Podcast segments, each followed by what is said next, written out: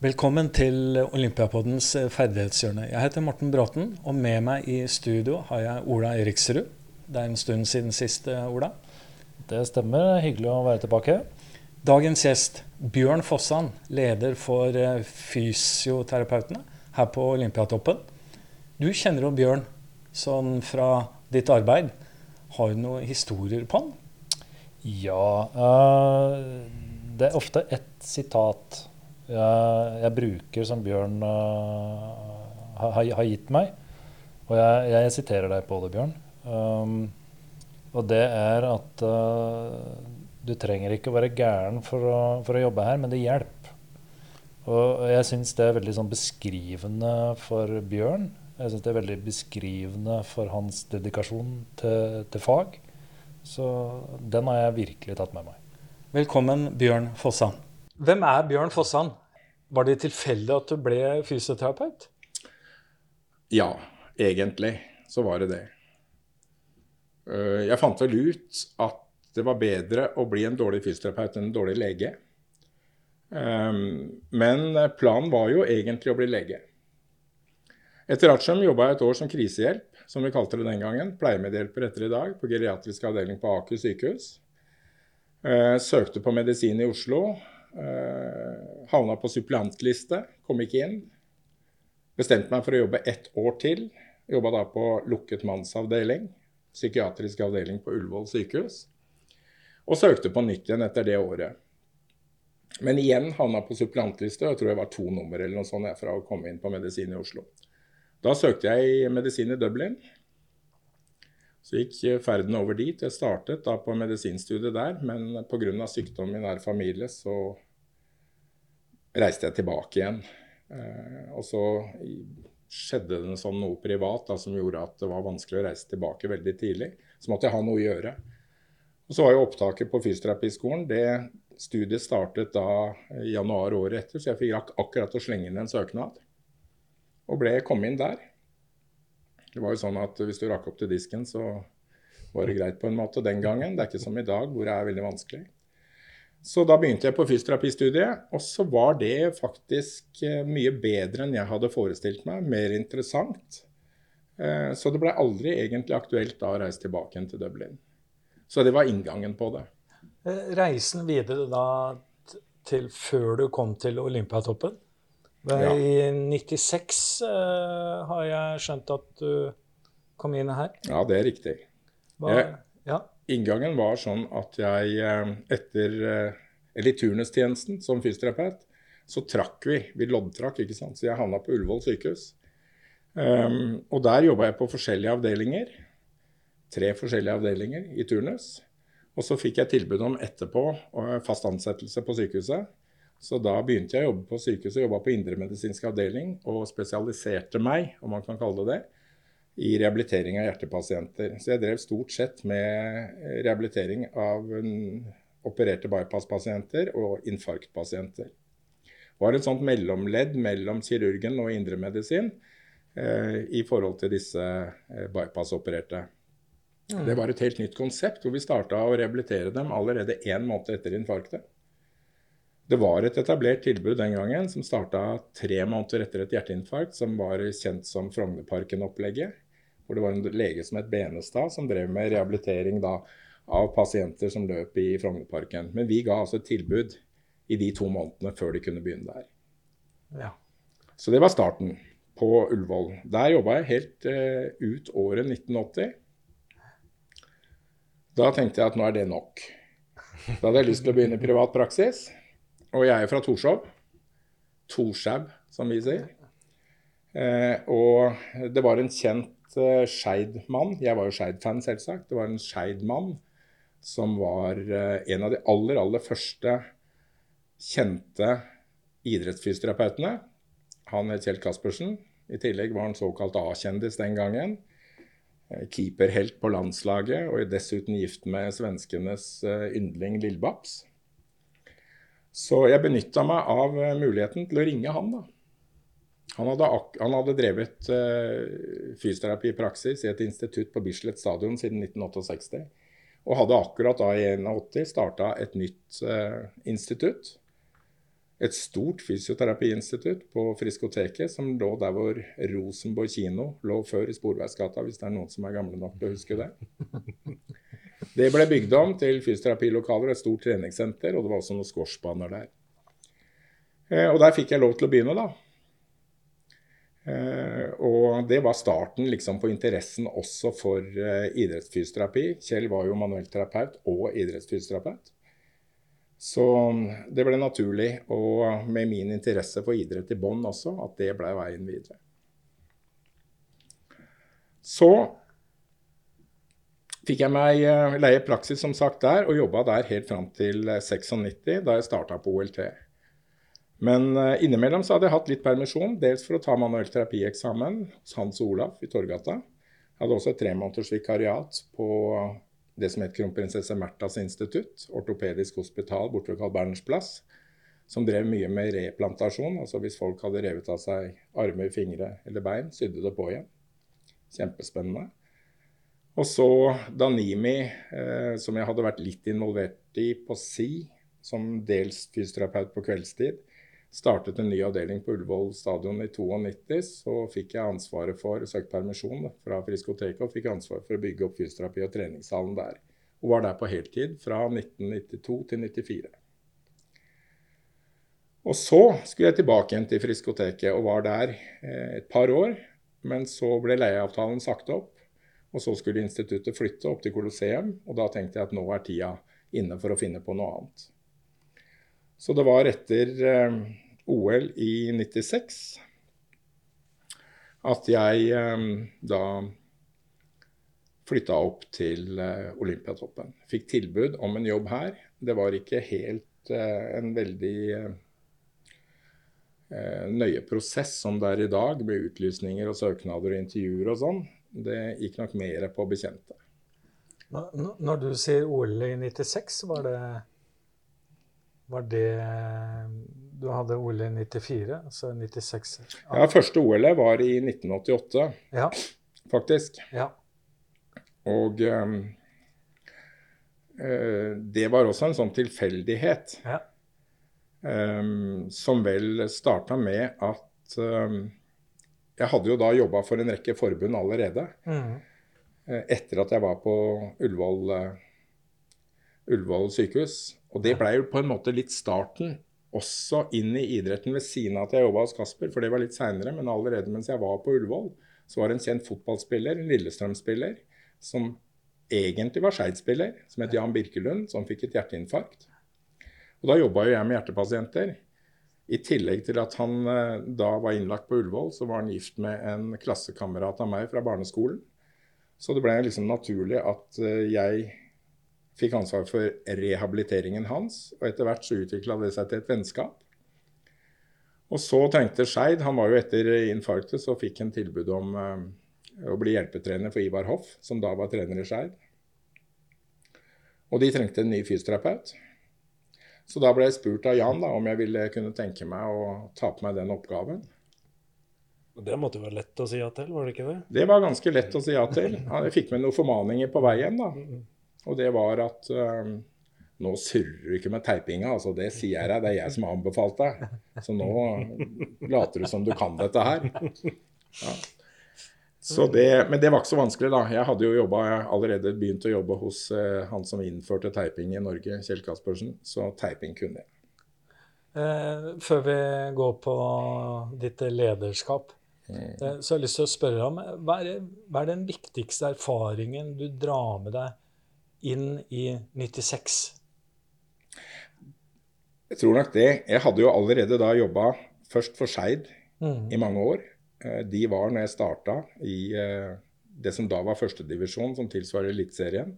Det rykka riktignok ganske fort ned derfra med meg som fysioterapeut. Men jeg var fysioterapeut for dem en god stund. Og seinere, fra 82 til 85, så var jeg eh, Eller fra 81 til 83, egentlig så var det også til, hele, hele fysioterapigreia mi er jo tilfeldigheter. Ja. Det starta i 81. Jeg kom inn og fikk tilbud om å være med hopplandslaget på ski som fysioterapeut. Og var med dem da fra 81 til 83. Kjempeartig tur, tid. Masse flotte turer og opplevelser med dem òg. Så fikk jeg eh, via andre bekjentskaper spørsmål om å være med bandylandslaget. Og det var jeg fra 82 til 85. Så var jeg med fra 85 til 91 med yngre og eldre juniorlandslag i ishockey. Også fantastisk tid. Nå er jo De fleste av de som var da juniorer når jeg kom inn, de er jo pensjonister for lengst. Så det sier jo litt om uh, min uh, reise her også. Og så var jeg også uh, fra 83 til 84 fysioterapeut for damelandslaget i turn. Det visste du ikke, Morten. Nei, det var nytt for meg. Det er verdt å ta med seg. Ja, det er verdt å ta med seg. Så det er altså oftest merkelige tilfeldigheter da, som åpnet de mulighetene. Eh, og det var altså sånn jeg havnet i, som jeg sa innledningsvis, også i OL-helseteamet første gangen. Det var tatt ut et team, og det var tatt ut reserve. Og så ble en av de som var tatt ut og skulle reise som fysioterapeut i OL, ble syk. Reserven ble satt inn, og ble også dårlig bare noen få dager før vi skulle dra. Og da gikk det jo på at jeg kjente fra miljøet allerede Sverre Melum, som var leder for helseteamet, som da ringte og spurte om jeg hadde anledning til å kaste meg rundt. Og med en veldig idrettsinteressert eh, kone som bare syntes jeg måtte gripe alle muligheter, så havna jeg da i OL. I 1988 for første gang. Så fysioterapikarrieren min har stort sett bestått av tilfeldigheter. Men jeg vil understreke at jeg har også turt å gripe sjansen når muligheten har bydd seg. Mm. Og det tror jeg er noe man kan ta med seg. Det vil åpne seg mange muligheter for veldig mange mennesker. Men det er noe med å tørre å satse når muligheten er der. Og så en annen ting, Du har jo hatt veldig mange baller i lufta med ulike lag, klinikker osv. Ja, det er riktig. Så du opparbeider jo deg et voldsomt nettverk i så måte i den prosessen der. Klart. Og det hjelper jo veldig. Det å tørre å gripe og ta sjansen.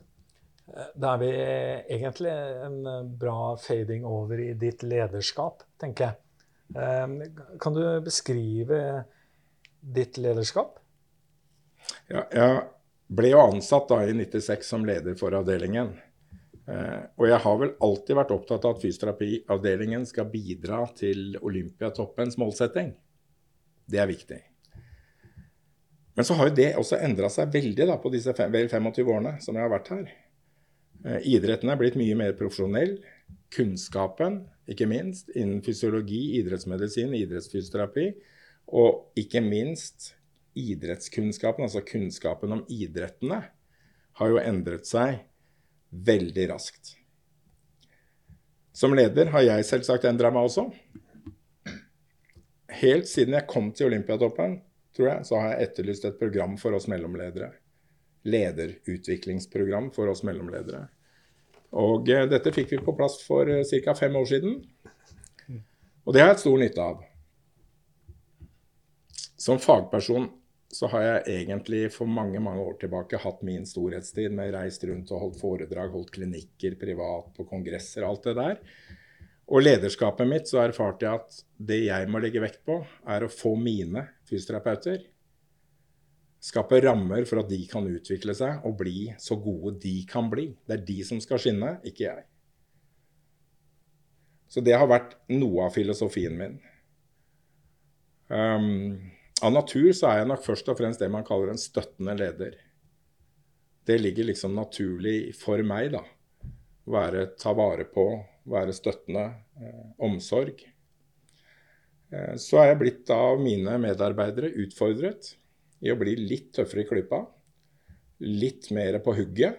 Offensiv i forhold til å sette tydelige mål. Være mer målorientert og utviklingsorientert. Og det syns jeg når de begynte å utvikle, eller uttrykke det, var en veldig spennende, spennende ting. Som vi har prøvd å ta tak i, selvsagt sammen med medarbeiderne. Og man får på en måte den lederen man fortjener. fortjener. Og da tenker jeg litt på Olaf Tufte, som etter sitt annet OL-gull, tror jeg, ble spurt om, eh, om det var riktig at han hadde verdens beste trener, rotrener som tilfeldigvis på den tiden var Tor Øvrebø, som nå er sjef for hele Olympiatoppen.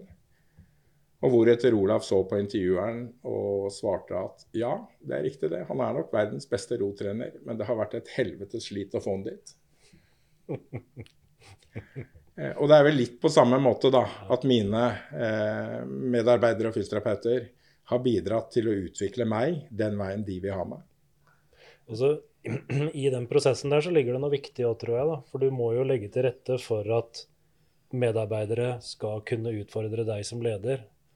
Og da kan du ikke være en autoritær leder, men en inkluderende og støttende leder, som du er inne på her. da. Ja. Sånn at du har det rommet og den åpningen for den type dialog. da. Det er, det, det er veldig viktig. viktig. Ja, det er viktig. Jeg er ikke opptatt av å være sjef. Vi har en ganske flat struktur, men jeg er opptatt av å prøve å være den beste mulige lederen jeg kan være. Og det er en kontinuerlig prosess. Ja. Er, eh, hvis jeg kan eh, I ditt lederskap og sånn som du beskriver det, så uh, faller det godt innunder det inntrykket vi har av deg, Bjørn, og det vi har lært deg å kjenne. Du er god på relasjoner. Er det noe som ligger der, eller er det noe du har lært deg? Nei, jeg tror det nok er, ligger i genene mine mer. Altså jeg er, eh, tror jeg, en omsorgsperson. Jeg er glad i mm. mennesker. Mm. Eh, og det er ikke noe jeg har eh, prøvd å bli. Eh, jeg kunne vel hatt en litt Optimalt så hadde jeg nok hatt en litt hva skal jeg si, mer balansert lederskap. At jeg hadde vært kanskje litt mindre støttende og litt mer utviklingsorientert. At det hadde vært begge deler. Men, men DNA-et mitt, som man kaller det, er nok å være mer støttende og, og, og ta vare på. Um, det de, tror jeg nok. Det de som ikke der. har det medfødt, um, det å være terapeut, du skal følge opp andre mennesker, mm. uh, skape en relasjon. Um, hva gjør man da, hvis man ikke har det? Jeg tror du kan lære ganske mye av det.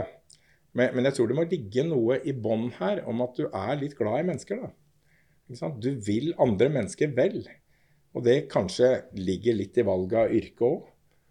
Eh, at det er et yrke som er um, gå på å hjelpe andre. Ja. Så det er naturlig kanskje for veldig mange av oss at vi har litt av det i hvert fall i oss. Next generation. Mm. Eh, kan du fortelle litt om det? Den prosessen dere har hatt gjennom mange år?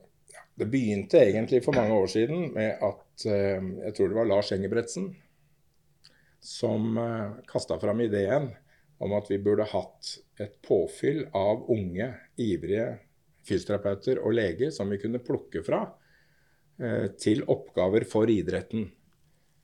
Um, og den ballen tok uh, jeg opp, da. Og så fikk jeg med meg bl.a. Vibeke Røstad, som i dag er leder for hele prosjektet.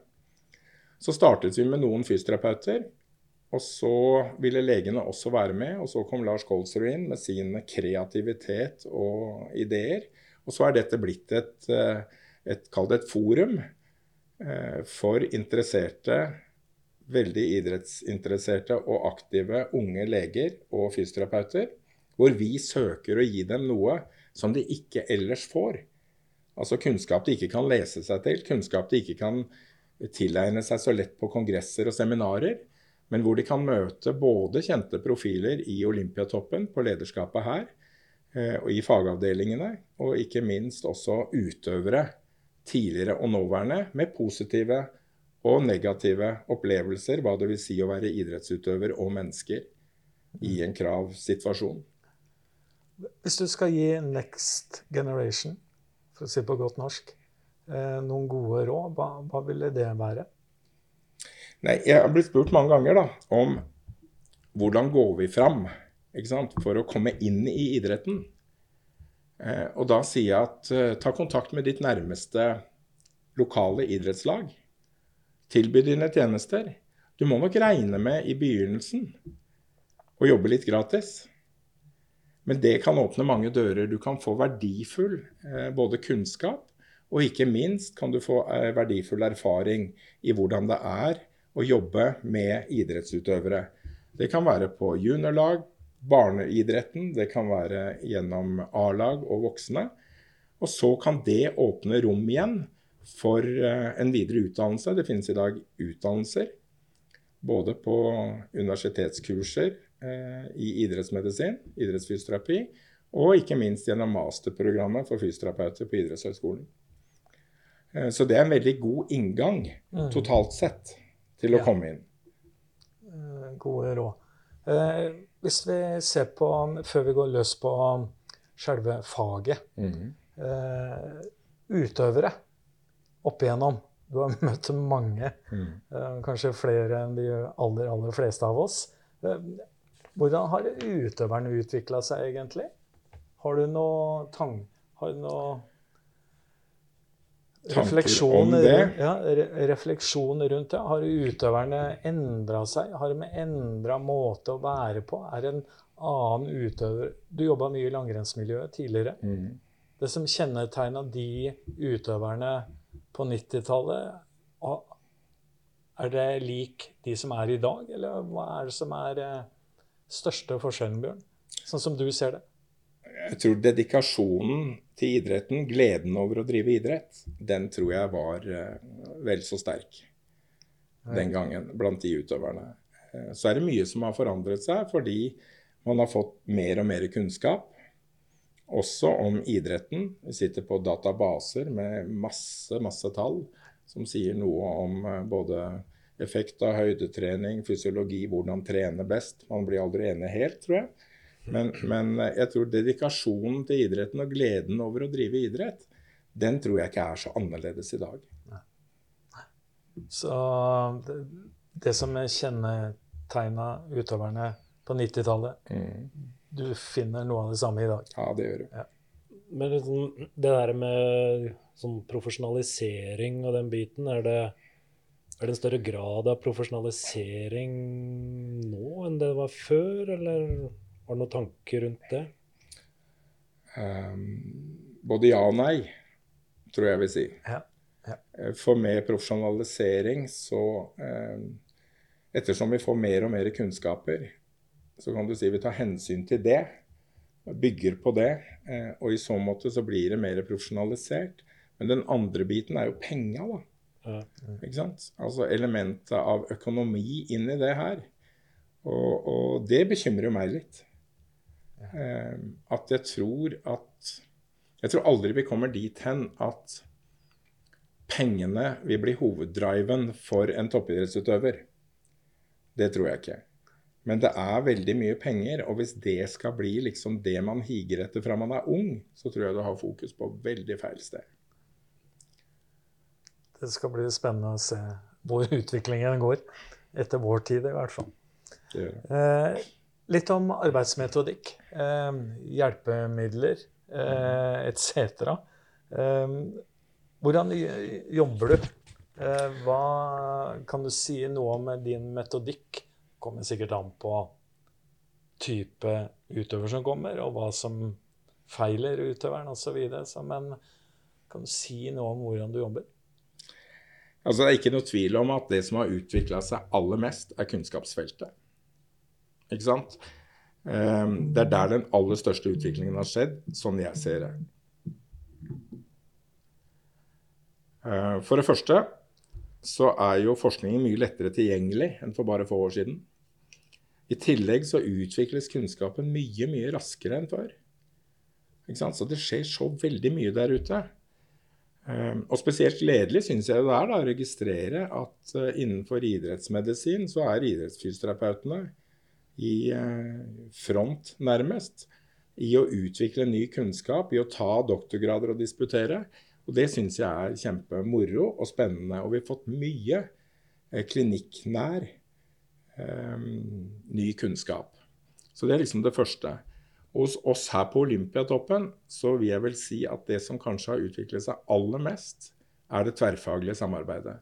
Men samtidig så er det der vi har mest å gå på. Og det syns jeg er spennende. Um, det å sette sammen et team i rehabilitering av utøvere, det viser seg jo gang på gang å være en nøkkelfaktor i å få til en vellykket rehabilitering. Vi tenker jo kanskje mest på leger og fysioterapeuter, og kanskje aller mest på fysioterapeuter når det er snakk om rehabilitering av en skade. Men det å bringe inn ernæringsfysiologer og psykologer også i en tidlig fase kan gi svært verdifulle bidrag i den rehabiliteringa. Og I tillegg så hører vi om styrketrenere, utholdenhetstrenere, motorikktrenere, som også må være med i det teamet. Tradisjonelt så vil jo de kanskje ha aller mest å bidra med idet utøveren skal tilbake igjen i idretten. Men Det er også sånn at de tidligere, langt tidligere, helt fra starten av, kanskje kan ha en veldig viktig rolle også. F.eks. i det vi kaller substitusjonstrening. Det å søke å opprettholde funksjoner i kroppsdeler som ikke er rammet av skaden, kan være veldig viktig for å komme raskere tilbake igjen når du er klar til å belaste den skada strukturen. Så, så tverrfaglighet, ved å bringe inn riktige fagområder på riktig tid, det er en nøkkelfaktor. Og der har vi fremdeles en del å gå på. Men det er, tror jeg, fag, den delen av fagfeltet som vil utvikle seg aller mest i tida som kommer. Tverrfaglighet, ja. Altså en liten ting der, der, Du er inne på det. Du har jo en sånn eksponentiell vekst av kunnskap der ute. Og da blir det jo Hvordan skal vi klare å holde oversikten der, uh, Bjørn? Hva, hva, er vi, hans, hva, er det, hva er det vi gjør i møte, møte med det? For det er jo hele tida noe nytt som bygger på og bygger på. Og det er en voldsomt bratt kurve der. Hvordan, hvordan skal vi gjøre, løse det på et personlig plan, eller løser vi det i teamplan? Eller hvordan, har du noen tanker rundt, rundt den biten? Ja, det har jeg selvsagt, for det er jo viktig. Altså, eh, hvis vi skulle holdt oss a jour på alle felter til enhver tid, så kunne vi hatt det bra på Olympiatoppen, men da måtte vi ikke hatt utøvere her. Da måtte vi bare jobba med det. Så vi har inndelt eh, avdelinga vår da, på en litt annen måte i interesseområder. Vi har gått ut fra hva er de viktigste områdene vi må være gode på for våre utøvere. Og så har vi plukka ut noen skader, selvsagt, og så plukker vi ut noen områder. Eh, og gjerne anatomiske områder knytta til skader rundt og tilhørighet til et ledd, f.eks. Og så har vi fordelt de anatomiske strukturene, eller de eh, områdene mellom oss, sånn at vi har ansvar for hver våre ting å bli gode for. Så noen har ansvar for nakke og rygg, noen for knær, noen for hofte-lyske, noen for nakke, noen for tendi, altså senlidelser f.eks. Og da er et mindre område å holde seg oppdatert på. Men samtidig så er vi opptatt av at vi er generalister. Vi skal jo alle kunne ha et tilstrekkelig godt kunnskap om alle områder. Og derfor blir jo det å opplyse hverandre, det å ha interne møter eh, og, og bidra til at alle holder et minstemål av, forsvar, av forsvarlig kvalitet på, på, de fleste ting, det er viktig. Hva er din spesialitet, hvis jeg kan spørre om det? Ja, Den blir mindre og mindre, det må jeg jo si. Men uh, i, i, fordelingen her så har det vel først og fremst vært hoftelyske, da. Ja. Men uh, jeg har skjønt at uh, man sender også rygg til deg? Ja. Det er det jeg sier, at vi er jo en viss generalister. Og jeg har jo jobba så lenge. Eh, og som manuellterapeut så har jeg jo lært meg litt om rygg. Og så blir jeg jo oppdatert av mine kolleger, da, som kan mye mer enn meg om det. Sånn at jeg holder dette minstemålet enda, og kan forhåpentligvis gjøre en brukbar jobb eh, fremdeles på det feltet. Hva Da må jeg spørre, vi skal fortsette med faget her, men når går du av, Bjørn? ja, her går jeg av 31. mai. Ja. ja. Uh, vi Jeg møtte deg i 95, 96, tror jeg, i Trysil. Ja. Hvor du uh, masserte. Mm -hmm. uh, vi har snakka om kunnskap, kunnskaper, hva mhm. som har utvikla seg. og så er det noe forskningen sier i dag da, om massasje. Men eh, vi masserer fortsatt. Jeg sier ikke at du gjør det, men uh, Jo, det kan du si, for jeg gjør det. Ja, da uh, må jeg spørre hvorfor er det, er det slik at noen mener at det er bare tull, og andre ser en benefit med det? Det tror jeg er litt forskjellig ut fra hvilke briller du har på deg. Én ja. ting er i en behandlingssituasjon. Det skjer mye vet du, ved å legge hånda på en utøver. Ja. Det kan være avspenning. Hvis ja. jeg skal mobilisere noe ledd, f.eks., og pasienten er veldig spent, så kan det å drive en eller annen form for avspenning være gunstig. Og jeg tror det er lite kontroversielt å si at man kan drive med bløtdelsbehandling eller massasje som en avspenningsform, men ikke det alene lenger. Men som inngår i en behandling, det tror jeg ikke er noe kontroversielt. Og så er det litt uenighet i hvor stor betydning først og fremst massasje har som restitusjon. Og hvor mye du skal massere. Og så er det gjort en del studier, men det som er vanskelig med de studiene, det er jo at de definerer jo ikke hva er massasje. Når skal du massere? Hvordan masserer du? Hvor lenge masserer du? Hvor hardt masserer du? Det står, det står liksom ikke noe om det. Og da er det veldig vanskelig å sammenligne forskjellige kvaliteter. Og så spørs det hva man ser etter. Ser du på å bli kvitt av såkalte avfallsstoffer? Altså ser du, måler du det i form av uh, sårhet, delayed uh, onset muscle soreness, etter harde muskeløkter. De fleste studiene er gjort på ganske utrente mennesker. Uh, og så ser man da, gjør man gjerne sånn mikrodialyse og ser hva man kan greie å få vekk av slagstoffer osv., og, og så ser man ikke noe effekt. Og så ser man på restitusjonsmassasje og ser om de presterer bedre etterpå. Raskere. Og ser ikke ut som man finner noe på det. Og så er spørsmålet om vi undersøker på de riktige tingene. Og for meg så er det sånn at så lenge utøveren føler seg mer vel, for det er den faktoren som kanskje har vært positiv da, til massasjens effekt, det er på det psykologiske plan som går på well-being, og at utøveren føler seg bedre. Det er også en psykologisk effekt som kan kanskje bidra inn i prestasjonen seinere. Og jeg tror ikke ved å avvise Så godt tror jeg ikke om meg sjøl at jeg kan gå til en utøver og si at dette her er bare tull, det slutter du med. Og så slutter han. Det som skjer da, hvis vi ikke har massører her på Olympiatoppen, er at de sannsynligvis går utenfor huset et sted. For de føler selv, i hvert fall de som føler at det hjelper, de har nytte av det. Føler seg bedre, føler seg avspent og føler seg eh, mer vel med massasje. Og så skal en selvsagt ikke overdrive det heller, men det skal du ikke med noen behandling. Ikke sant? Men jeg tror at utøverperspektivet, vi må ikke glemme det.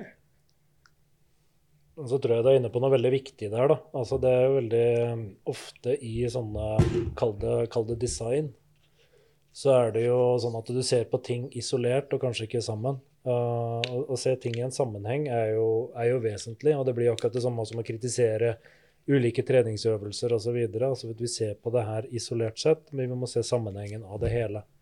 Det er et uh, kontinuum der, da. Mm. Det er jeg helt enig i. Eh, jeg har stor forståelse for det du sier, Bjørn. Eh, man opplever jo det på egen kropp òg, den velværen. Eh, så ikke uenig i det. Jeg har lyst til å gå tilbake til det med utøveren og gjøre det beste litt bedre. Dere behandler utøvere. Dere har rehab-prosesser osv. Men hva mer bidrar dere på benken, egentlig?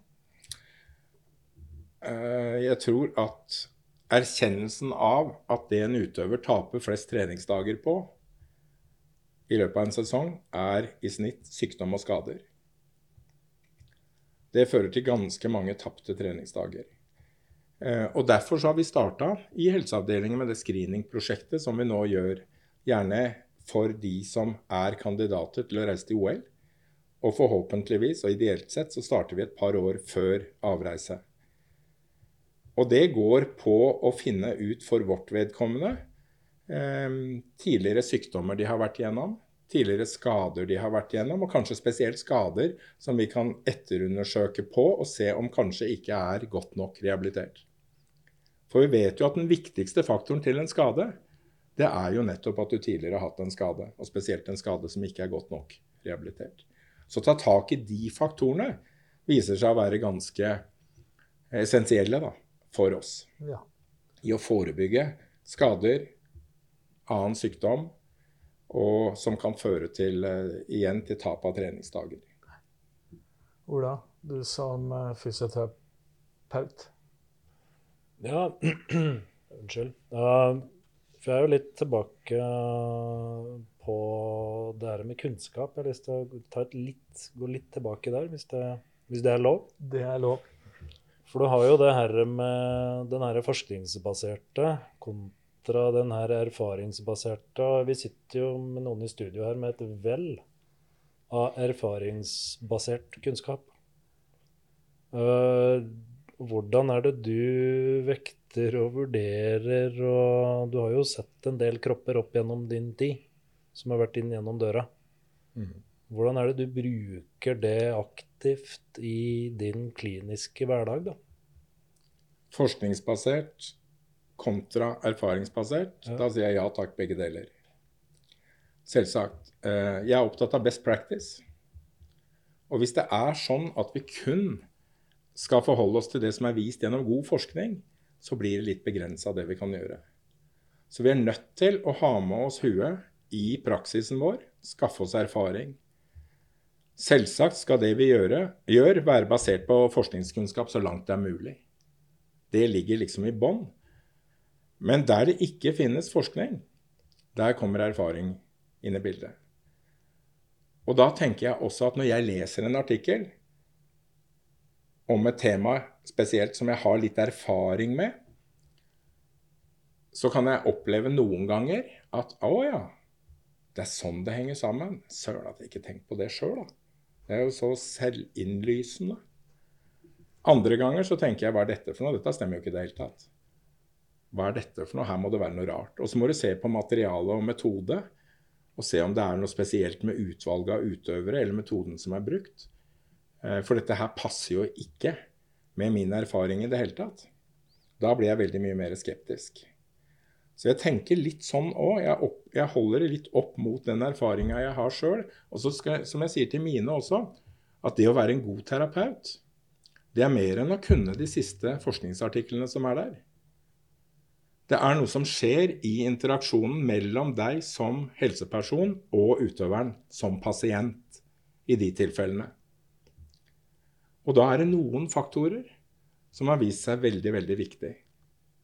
For meg er det i alle sånne undersøkelser, når vi får spørsmål om hva er det som kreves av Hva krever du som utøver av helseteamet? Faktor nummer én er tilgjengelighet. Det at du stiller opp når det er behov for det. Det er kjempeviktig. Og for meg også eh, så har jeg ingen prestisje i å skulle løse alt sjøl. Heldigvis. Så, og, og, det, og da jobbe i en setting hvor det er mange veldig kunnskapsrike, flinke fagfolk, det gjør jo at det er lett å, å få en second opinion. Si til pasienten at, eller utøveren at 'dette her skjønner jeg ikke'.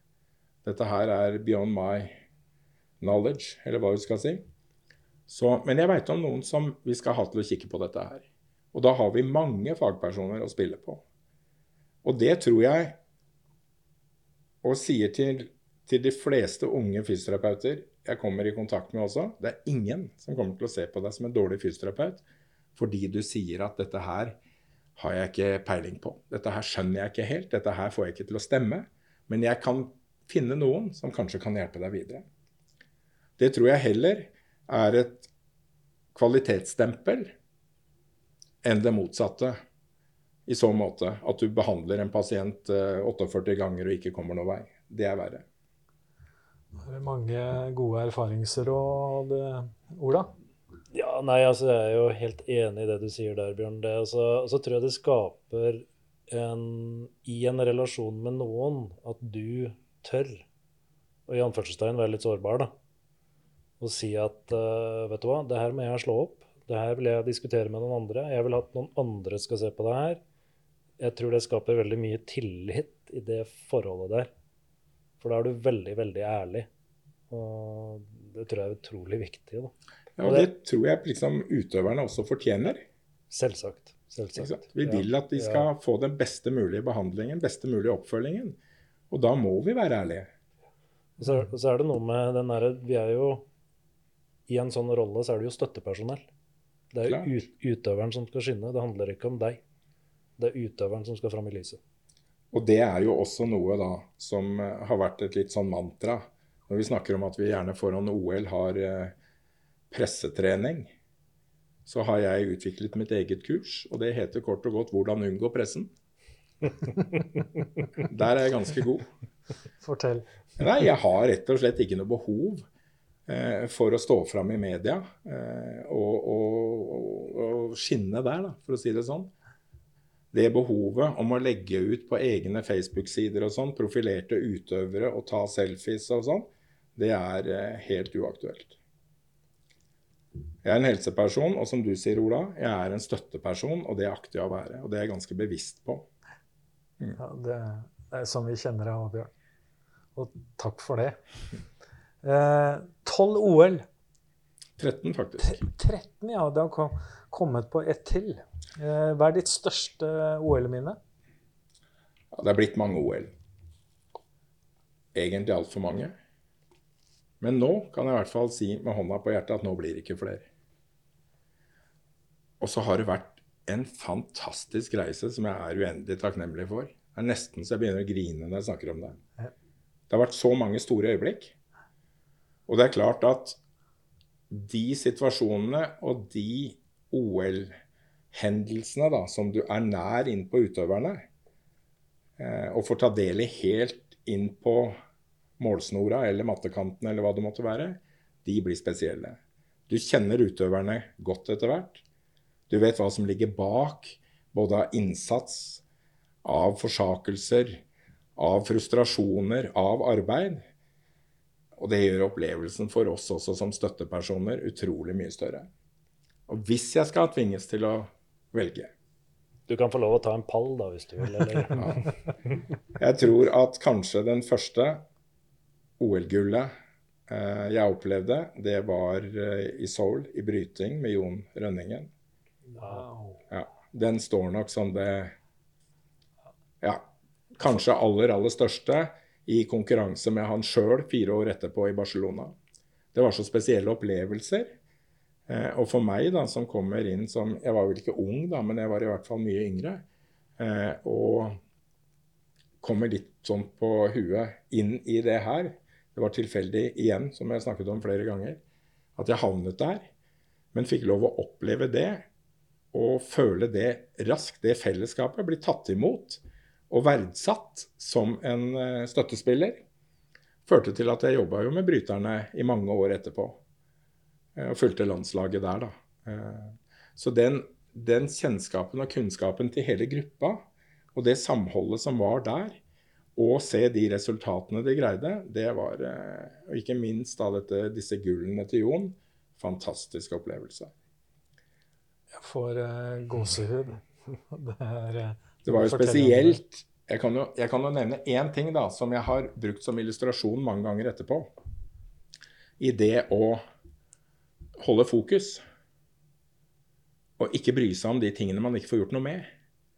Det var i OL i Barcelona. Jeg, husker, jeg tror det var en kvartfinale. Jon skulle bryte. Og så hadde Øystein Davidsen, som var trener, landslagstrener, hadde tenkt at nå skal vi liksom gjøre det veldig bra her, da, så vi tar ikke shuttlebussene. Vi, vi, bestiller en bil fra garasjen. Og vi stilte opp utenfor garasjen, og det kom ikke noe bil. Og tida gikk, og begynte å bli litt kritisk. Og så sier Øystein jeg stikker ned. Og så kom han opp igjen etter en stund, og helt opprørt. Fordi at da var han som skulle kjøre bilen vår, han hadde funnet ut at speilet var brukket på den ene sida, og han ville ikke ta ut den en, før han fikk en garanti for at han ikke ville få skylda. Eh, og Det medførte da at de fant en annen sjåfør da, som var villig til å kjøre oss opp til Brytehallen. Og etter et kvarters tur så sto vi ikke utafor Brytehallen, men vi sto på ei konteinerhavn i Barcelona, og sjåføren ante ikke hvor vi skulle. For han var fra et helt annet sted i Spania, var ikke kjent i Barcelona, han heller. Og inni den bilen ble det ganske hektisk. Der satt Lars Rønningen, som var sparingspartneren og broren til Jon. Der satt Lars Engebretsen, som var legen. Jeg var jo fysioterapeut. Øystein Davidsen var trener, og Jon sjøl var utøver. Og alle, bortsett fra Jon, prøvde å snakke spansk og skjelle ut han stakkars sjåføren. Jon gjorde ikke det. Han uh, fikk i stedet beskjed om bare å forberede seg. For vi begynte å bli redd for at han kanskje ville komme for seint. Og hvis han kom for seint, så ville han jo ikke få bryte. Da var det jo rett og slett kampen over, og han hadde tapt. Så det var eh, ganske dårlig stemning da på vei opp. Men Jon han eh, fant fram treningsbagen sin. da. Begynte å skifte, tok på seg brytedrakta, knøt på seg skoene. Sjekka at den hadde lommetørkle på plass. Alt var liksom der det skulle være. Og så, når vi endelig kom fram, så løp han bare rett inn på matta. Inn i oppvarmingssalen, og så hadde han vel fem minutter eller noe sånt til neste kamp. Og gjorde det beste ut av det, og vant jo selvsagt den kampen eh, suverent. Men han satt bare i bobla si, fokuserte på det han kunne gjøre noe med. Han var ikke med i hylekoret sammen med oss andre. Han hadde nok folk som kunne skjelle ut han sjåføren, som ikke fant fram. Sånn at han brukte ikke en kilokalori eller en kalori på det der i det hele tatt, tror jeg. Kunne ikke få gjort noe med det. Og det, å holde fokus på det, vil jeg si var nøkkelfaktoren. Hadde den blitt med oss andre i det hylekoret, så hadde det ikke gått. Sikkert mange som kan lære av det, Ola. Tror du ikke det? Det tror jeg. Eh, den historien er det sikkert mange lyttere som eh, kommer til å humre, humre av. Eh, vi går over til avslutningen, eh, Bjørn. Mm -hmm. det er et spørsmål som alle gjestene våre får, for så vidt. Du har sikkert vært innom eh, barne- og ungdomsidretten på en eller annen måte. Hvilke anbefalinger vil du komme med til uh, trenere, ledere innenfor uh, barne- og ungdomsidretten? Jeg er jo en av de som er litt bekymra, da. Uh, fordi jeg syns i større grad enn tidligere så opplever vi ambisiøse trenere og foreldre som ser for seg at de skal skape en eh, At Poden skal bli en ny Haaland eller en Ødegaard. Og som satser veldig. Eh, og, og, og i den grad også foreldrestyrte trenere. Som driver liksom veldig profesjonelt. Og vi vet jo nå også om eh, profesjonell drift av klubber med akademier helt ned i småbarnsalder.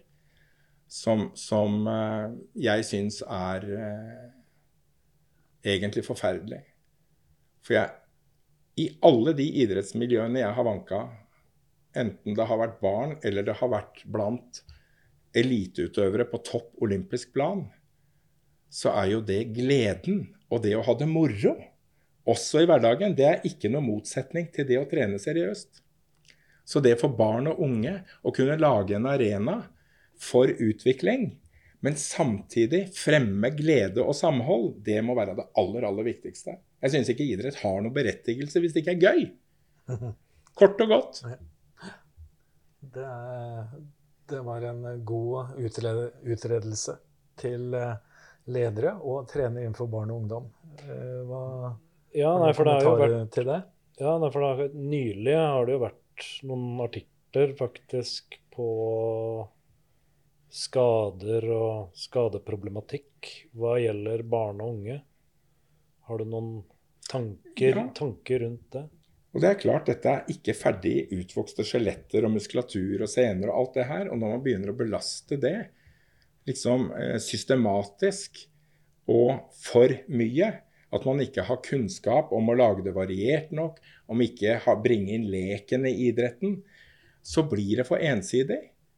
Og så oppstår disse tragiske skadene, belastningsskadene, som vi ser i altfor, altfor ung alder. Og det syns jeg er eh, virkelig et varsko. Jeg tror vi skal avslutte der. Jeg må si at uh, jeg har aldri hatt en så lang samtale med deg. Jeg sitter på kurs og sånn, men uh, maken til mye kunnskap, erfaringskunnskap, det skal vi lete lenger etter, Ola. Enig. Jeg hadde lyst til å tatt den her enda litt lenger, men jeg syns du avslutter så nydelig her, Bjørn, at jeg syns det passer seg sånn tusen hjertelig takk for at du har vært i studio sammen med oss. Bare hyggelig. Takk for meg.